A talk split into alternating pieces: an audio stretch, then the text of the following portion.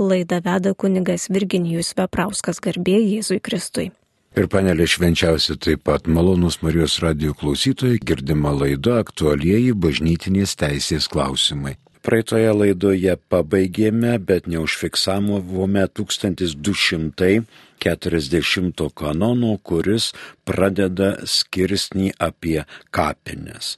Tai dabar ir fiksuojame. Pirmasis paragrafas. Kur įmanoma, bažnyčia privalo turėti tinkamai palaimintas nuosavas kapines ar bent plotus civilinėse kapinėse skirtus mirusiems tikintiesiems. Antrasis, tačiau jei to neįmanoma pasiekti, kiekvieną kartą turi būti tinkamai palaiminti atskiri kapai. Kitas 1241 taip pat su dviem paragrafais. Pirmasis. Parapijos ir vienuoliniai institutai gali turėti savas kapines. Antrasis. Taip pat ir kiti juridiniai asmenys ar šeimos gali turėti atskiras kapines ar kapavietę kurios turi būti palaimintos vietos ordinaro sprendimu. Taigi, čia nusakomos katalikiškų kapinių rūšys. Pirmoji rūšis - parapinės kapinės, skirtos tikinčiųjų laidojimui. Dar gali būti tarp parapinės kapinės, vieno miesto kelių parapijų. Pavyzdžiui, yra mieste 3-4 parapijos ir yra vienos kapinės. Tai tarp parapinės kapinės. Jos susitarė ir laidoja savo tikinčiuosius į tas tarp parapinės kapinės. Antra rūšis vienuolinių institutų kapinės. Tai vienuolynų ar jų namų narių arba gyventojų laidojimui arba geradarių laidojimui. Vienuolynas tai yra pastatų kompleksas, kuriame gyvena ne vien tik tai vienuoliai arba vienuolės. Ten gyvena ir tarnaujantys asmenys, ir šeimos, ir prižiūrėtojai. Tai vienuolino kompleksas. Ir jeigu turi kapines, labai malonu, kad vienuolinas leidžia savo kapinėse laidotis ir geradariams kurie pastato pastatus, pavyzdžiui, arba ten uždengia stogus ir panašiai. Trečia rūšis - tam tikrų grupių nariai.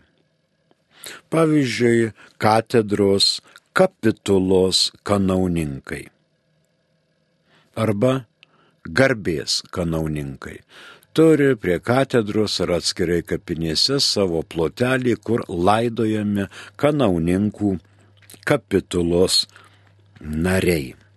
Pavyzdžiui, gali būti tam tikros brolyjos nariai ar bažnytinės draugijos nariai tarkim, Šilovo švenčiausiosios mergelės Marijos draugija, gali irgi turėti savo kapinės ir gali ten laidoti savus narius. Kodėlgi ne? Jeigu pajėgus išlaikyti, įsteigti kapinės. Na ir ketvirta katalikiškų kapinių rūšis yra šeimos ar giminės palaidojimo vietos. Kartais būna šalia dvarų, ten kapinių nedidelis plotelis, kur yra kriptos ir ten yra laidojami šimtmečiais šeimos ir giminės priklausantys nariai. Gali būti tokios katalikiškos, privačios prie prie dvarų, prie palivarkėlių, prie rimtesnių šeimų, rezidencijų, na tokios jau kapinės. Dėl tokių kapinių palaiminimo sprendžia vietos ordinaras. O popiežiaus teisų institutuose instituto vyresnysis mums gali ateiti į pagalbą 1207 kanonas. Šventosios vietos laiminamos ordinaro. Tačiau bažnyčių palaiminimas yra rezervuotas diecezniam vyskupui ir abeji gali tam deleguoti kitą kunigą. Žodžiu, paprastai visa kita žvelgiama ir žiūrima į vietos ordinaro nuomonę. Dabar bažnyčia nori ne tiek labiau turėti nuosavybę, kaip kapinės, palaidojimo vietas, o teikti pagarbą mirusiam tikinčiajam, kuris privalo ilsėtis palaimintoje vietoje, nes jo kūnas, jo palaikai, žinoma, yra šventosios dvasios buveinė. Tai 1241 pabaigėme, fiksuojame. Pirmas. Parapijos ir vienuoliniai institutai gali turėti savas kapines. Antrasis paragrafas. Taip pat ir kiti juridiniai asmenys ar šeimos gali turėti atskiras kapines ar kapavietę, kurios turi būti palaimintos vietos ordinaro sprendimu.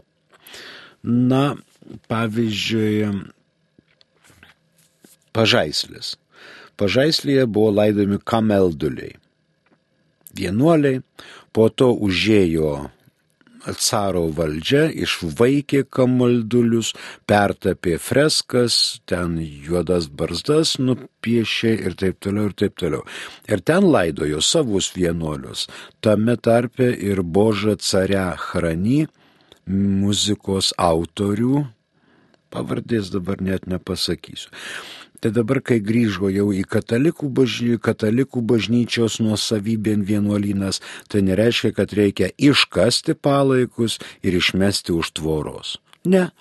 Tokios buvo istorinės aplinkybės, tai irgi yra tam tikri dalykai respektuojami. Mus pasiekė SMS žinutės, prašom. Jonas iš Klaipėdos rašo, garbė Jėzui Kristui.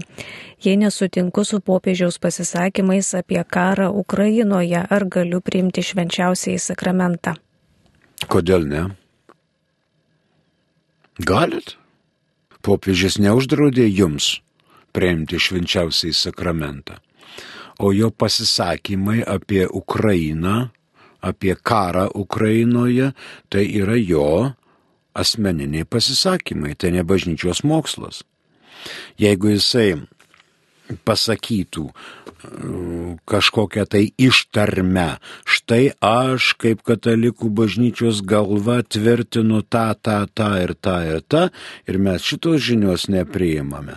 Tada, aišku, jau, bet man atrodo, popiežiai paskutinį 60 metų neištarė tokių žodžių, kai Paskutinis buvo nekaltojo prasidėjimo dogmos paskelbimas.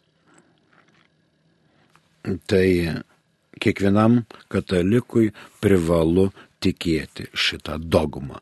O popiežius nei Paulius VI, nei Jonas Paulius I, nei Jonas Paulius II, nei Benediktas XVI, nei Pranciškus nepasakė kažkokių tai privalomų tikėti tiesų, kurias reikėtų respektuoti. Galite, galite tikrai priimti švenčiausiai sakramentą. Ir kuo dažniau, tuo geriau. Prašom kitas. Ar Dalai Lama turi viešpatie šventumą? Neturiu jokio aparato, su kuriuo galėčiau pamatuoti, ar turi, ar neturi. Dalai Lama, mano kukliom žiniom, nėra katalikų bažnyčios narys, jis priklauso kitai tikinčiųjų bendruomeniai. Ir kita tikinčiųjų bendruomenė sprendžia. Budizmas turbūt iš principo nėra religija. Budizmas yra gilinimasis į savo sąžinę, neturi religinio sando, kad būtų santykis su kažkuo, su Dievu, o tai yra santykis su savimi. Todėl negaliu pasakyti šitą klausimą nieko daugiau konkretaus. Ačiū. Dar turime ką nors prašau. Laima iš Vilniaus klausė. Klausimas tikriausiai ne pagal laidos temą, bet mm. vienoje bendruomenėje iškilo klausimas, galima ar negalima bažnyčioje gėdoti tautinę giesmę. Konkretus atvejis vieną vasario 16-ąją po šventųjų mišių choras sugėdojo tautinę giesmę ir gavo pylos iš klebono. Toliau žinutė nutrūksta. Mhm. Iš klebono pasak kurio valstybės ir ten taip toliau. Matot, po šventų mišių galima pritaikyti tokią epikėją, kad stultus parochus suprapapam.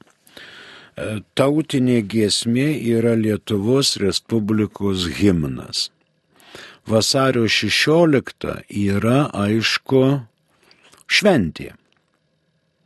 Ir jeigu per mišes melžiamasi už tėvynę, tai kodėl po mišių negalima sugėdoti himno, valstybinio himno, nes mes šitoj valstybėje gyvenam. Jeigu ten prasidėtų Boža Carechrani, Tai vis tiek jau Dievo vardas yra žinomas, bet tai yra kitos valstybės himnas, buvęs bent jau. Tai gal tai ir netiktų. Tačiau šiuo metu tai aš nematau didelių bėdų, didelių problemų, o jeigu choras gavo pylos iš klebono, na tai reikėtų pasakyti, kad visų pirma bažnyčiose turbūt 90-88 pradėjo kabintis trispalvės vėliavos, kas irgi gal buvo kažkam nepriimtina. Kokios čia reiškia tautinės spalvos, vėliavos, kybo čia e, tarybinė Lietuva. Liaudis sukūrė, va jeigu tą vėliavą, tai būtų tikusi, o dabar kažkokia trispalvė, buržuazinės Lietuvos vėliava. Bet vis tik tai bažnyčiose pradėjo kaboti šitos vėliavos visų pirma. Ir tik po to sąjūdis aikštėse pradėjo demonstruoti. Taip kad aš asmeniškai nieko baisaus nematau arba smerktinu, už ką reikėtų chorą, chorui duoti papeikimą, kad po šventųjų mišių vasario 16 sugėdojo tautinę giesmę. Gėdokit į sveikatą. Galima ir prieš mišę sugėdoti ir po mišių. Tik negėdokit per pakilėjimą arba per tėvę mūsų, nes tai vyksta jau liturgija, kuri yra sunorminta. Ačiū. Gal dar turime. Kas ten vyksta su siela skaistykloje, ką reiškia tas skaistinimasis? Žinot, būtų įdomu nuvykti į skaistyklą ir pasižiūrėti, kas ten su siela vyksta. Skaistinimasis tai vyksta maždaug per ugnies ežerą. Ugnies ežeras. Kam teko būti turbūt Izraelija, puikiai matė ant Elijo kalno prie tos olos, kai pakyli ir matai viduržėmio jūrą. Apokalipsėje nekarta tokių vaizdų mums e, buvo pateikiama, tarkim, žvėris kylantis iš jūros. Tai koks turi būti žvėris, kuris kyla iš jūros? Jeigu jūroje valtelė yra kaip pliauskelė blaškoma audros vėjo, ten žvejoja žvėjai, bet jeigu žvėris kyla iš jūros, tai ui, koksai didelis žvėris. Ir jis ten gyvena ir jis pajėgia iš bangų išlysti ir kilti ir kenkti žmogui. Tai yra didžius, didžiausia baisa pabaisa. Žvėris kylantis iš jūros. E, kitais atvejais būdavo parodyta toksai vaizdas, kad vėtra, vėtra daužėsi, bet ten nebuvo Dievas. Žaibai graustinis trankėsi, bet tai nebuvo Dievas ir dar ten užėsys ir vėjai, ir tai nebuvo Dievas.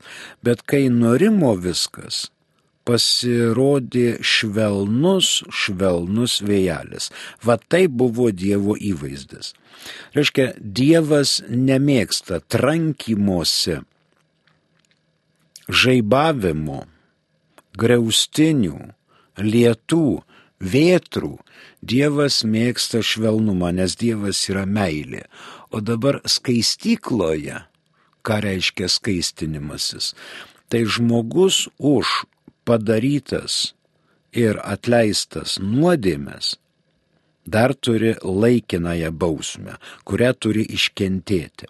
Skaistykla yra ne vieta, bet skaistykla yra būsena kai tu esi jau nuteistas Dievo teisme ir dar iki rojaus tau tenka luktelėti.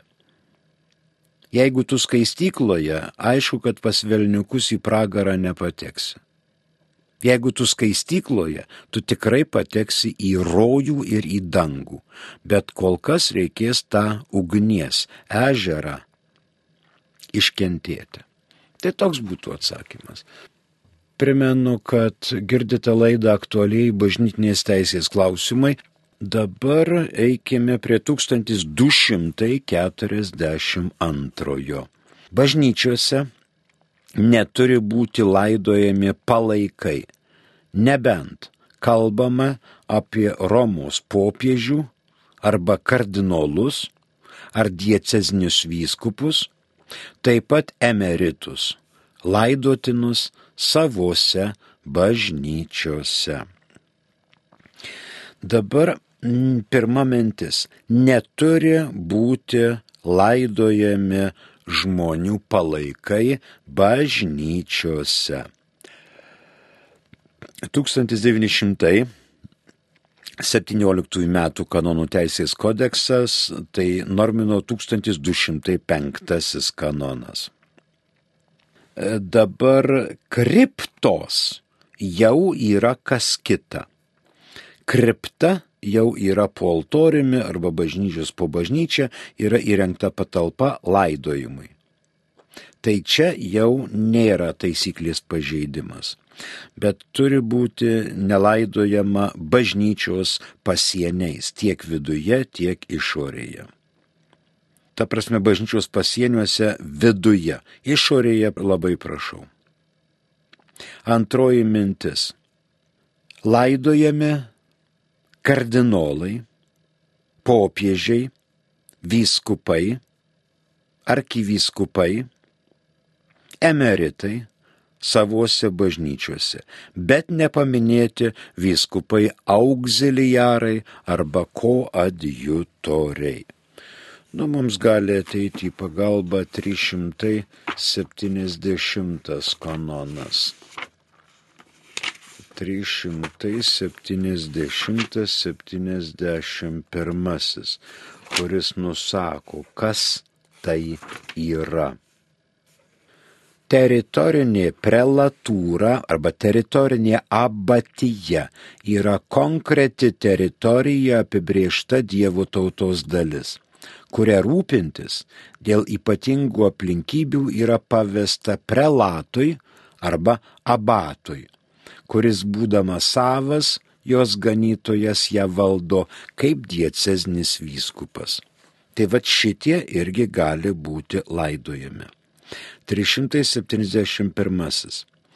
Apaštalinis vikariatas arba apaštalinė prefektūra yra konkreti Dievo tautos dalis, kuri dėl ypatingų aplinkybių dar nėra įkurta kaip vyskupija ir pavedama popiežiaus vardu valdančio apaštalinio vikaro arba apaštalinio prefekto pastoraciniai globai. Šitie irgi laidojami.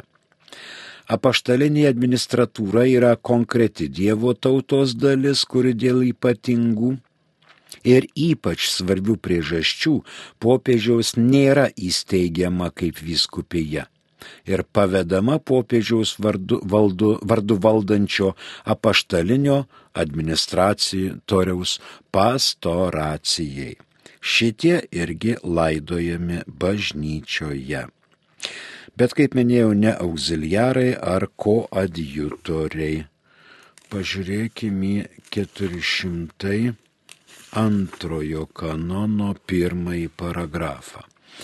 Vyskupas, kurio atsistatydinimas iš pareigų buvo priimtas, išlaiko savo vyskupijos emerito titulą ir jei nori, toje pačioje vyskupijoje gali išlaikyti gyvenamąją vietą, nebent konkrečiais atvejais dėl ypatingų aplinkybių apaštalų sostas nustatytų kitaip. Tai va, emeritas irgi turi teisę. Antrasis paragrafas dėl įdomumo dėliai. Vyskupų konferencija privalo prižiūrėti, kad būtų pasirūpinta atsistatydinančiojo vyskupo tinkamu ir deramu išlaikymu.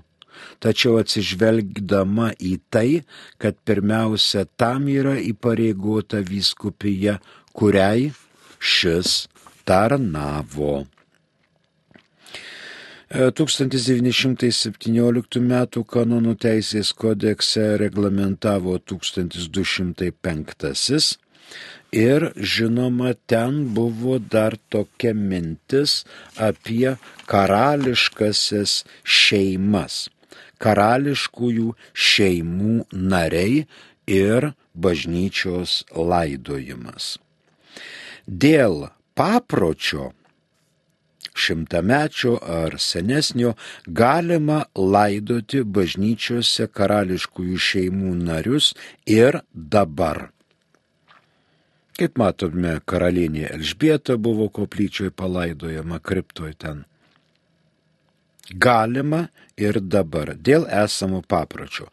Tačiau naujų įvedinėti po 1983 metų kodekso jau nevalia. Jau kaip buvo, tai buvo. Mes Lietuvoje turbūt neturim karalių kapų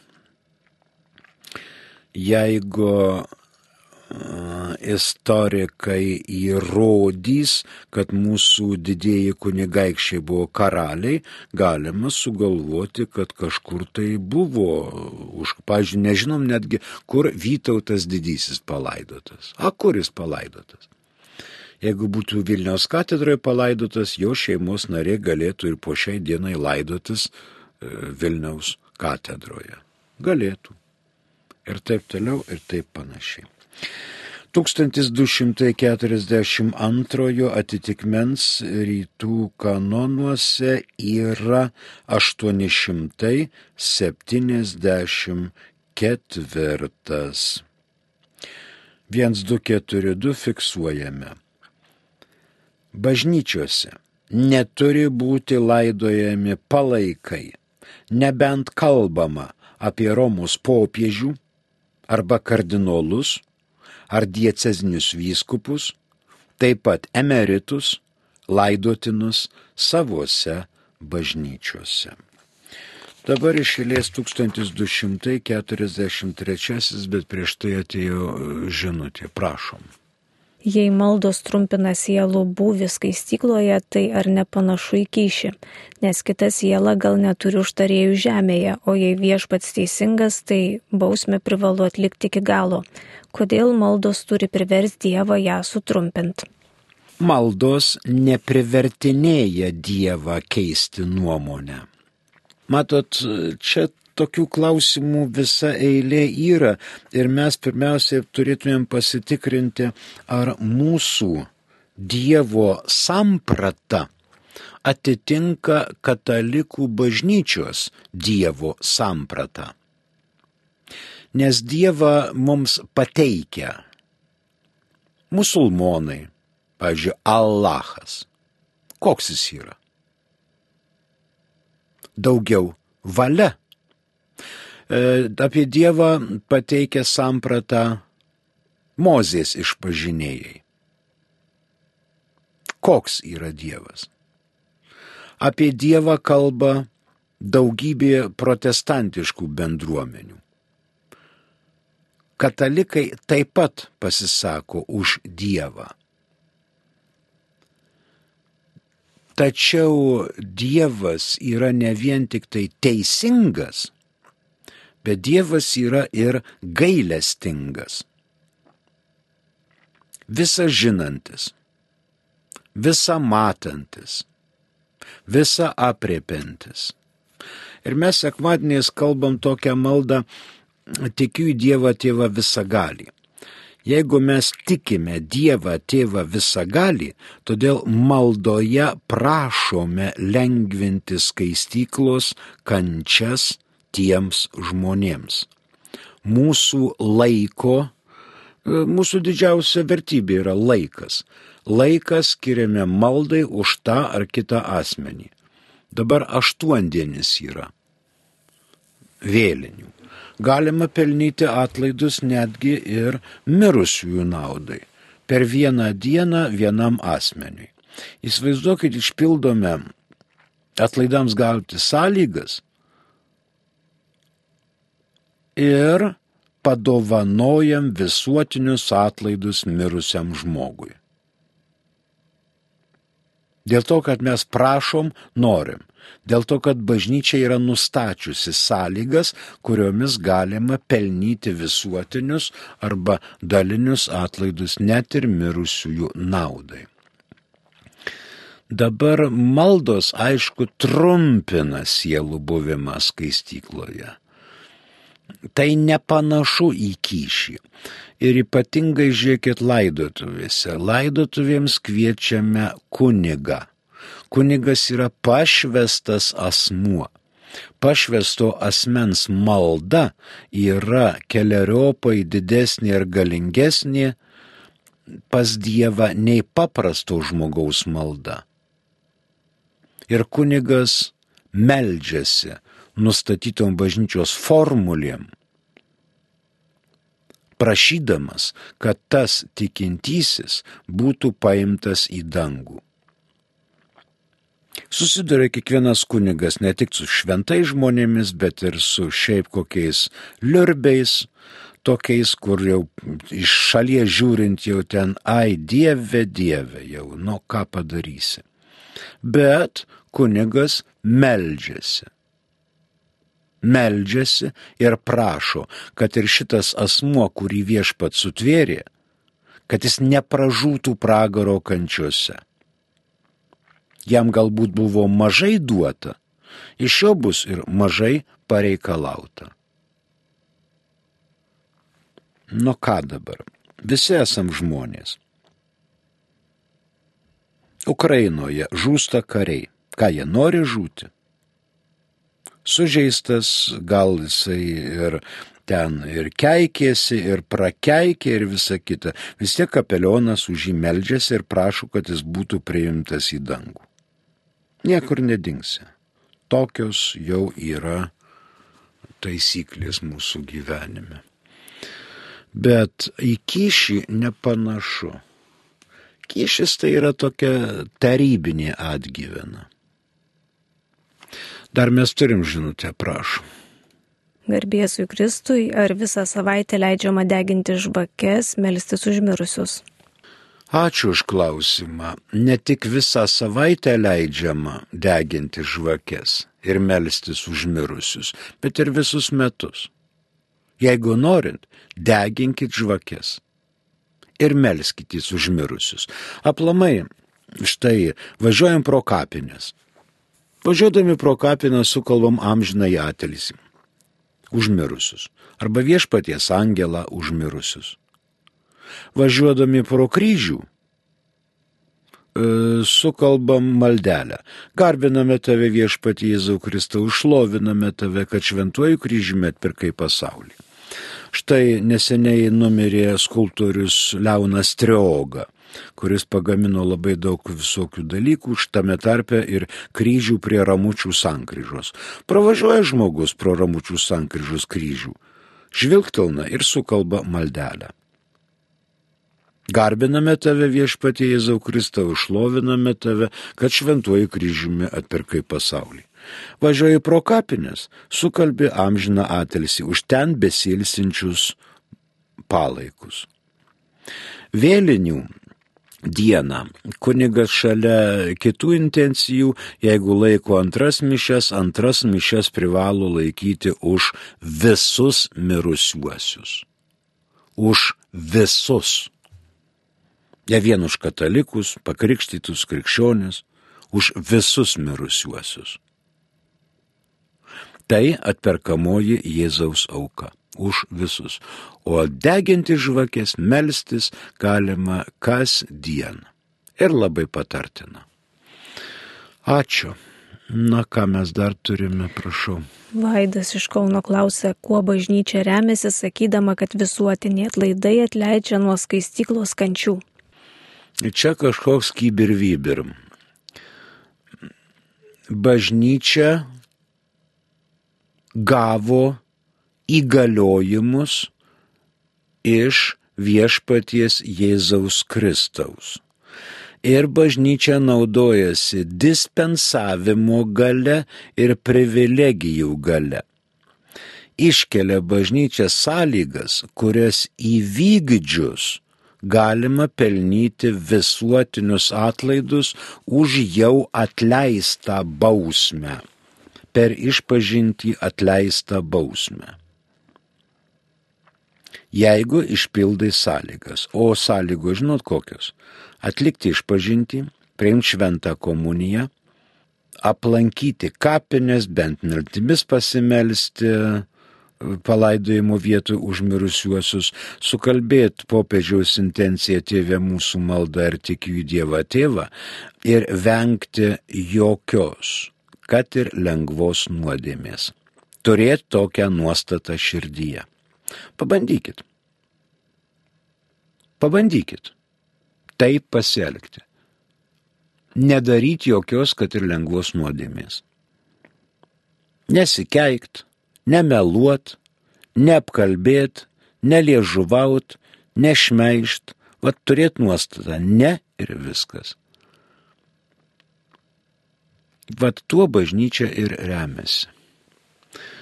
Ačiū. Dar vieną turime. Kaip sužinoti, kurios religijos pateikta Dievo samprata yra tikrai teisinga, o kuri netikra? Na, tai yra faktai. Mes turime Bibliją. Kiti turi Koraną, kiti dar kitas Vedas, šventas knygas ir panašiai. Ir matot, mylintis Dievas Biblijos pradžioje, Berešit Baralio Himeta Šamaim, e, praneša, ką Dievas padarė pirmučiausiai žmogui, kad Dievas sukūrė dangų ir žemę. Visi kiti šventraščiai nurodinėja, ką žmogus privalo daryti Dievui, ką jis turi daryti Dievui. O Biblija visų pirma pradeda nuo minties, ką Dievas padarė žmogui iš meilės. Ir šitas Senas testamentas atėjo žodinė tradicija, kol buvo užrašytas ir mes iki pačios dienos tą gerbėme. Senas testamentas buvo preambulė naujam testamentui, kol po gimtosios nuodėmės nusisukęs Adomas nuo Dievo buvo atpirktas. Jisai ir Jėva ir visa žmonija Jėzaus Kristaus asmenyje. Jėzus Kristus yra ir Dievas, ir žmogus. Ir jo asmenyje mes randame absoliučiai visą dievystę. Ir žmogus, tai reiškia išskyrus nuodėmę. Jis ir valgė, ir šlapinosi, ir tuštinosi, ir dėvėjo rūbus, ir miegojo, ir vaikščiojo, gydė, mokė, taip, kad net kiti stebėjosi, sako, niekada žmogus nebuvo taip kalbėjęs. Bodrinėgi fariziejų akis stebėjo, ir jis šeštadienį gydys. Tiesiog svolačius. Jis turėjo šeštadienį negydyti, o jis išstumė žmogų į centrą ir sakė, valia gerą daryti ar blogą daryti. Ir jis pagydė vandenligę sergantį žmogų šeštadienį tuo įsiutino tuos, kurie raidiškai laikosi šventraščio. Negalima. Dirbamos yra šešias dienos, eikit ir jomis ten gydykitės ir darykit, kas patinka. O šabas, šešta diena, yra šventa diena. Bet Jėzus sako, jeigu tavo sūnus įkrinta į šulinį arba gyvulys, ką tu ne, neatriši, nei virvės neįmesi, ten neištrauksi, Žodžiu, šventraštis mums yra atskaitos taškas ir bažnyčios pareiga yra mokyti, šventinti ir valdyti. Tai bažnyčia ir moko, kad Dievo samprata, kurią randame katalikų bažnyčioje, yra teisinga nors Forgrimlelio enciklopedijoje aiškiai parašyta, Dievo apibrėžti neįmanoma. Taškas. Graži Dievo samprata tiesa. Dievo apibrėžti neįmanoma. Maždaug nusakyti įmanoma, kad Dievas yra meilė. Na tai mūsų laikas iš, ištekėjo, prie mikrofono dirbo kunigas Virginijus Veprauskas, ačiū ir sudė, jeigu bus kokių minčių, parašykite.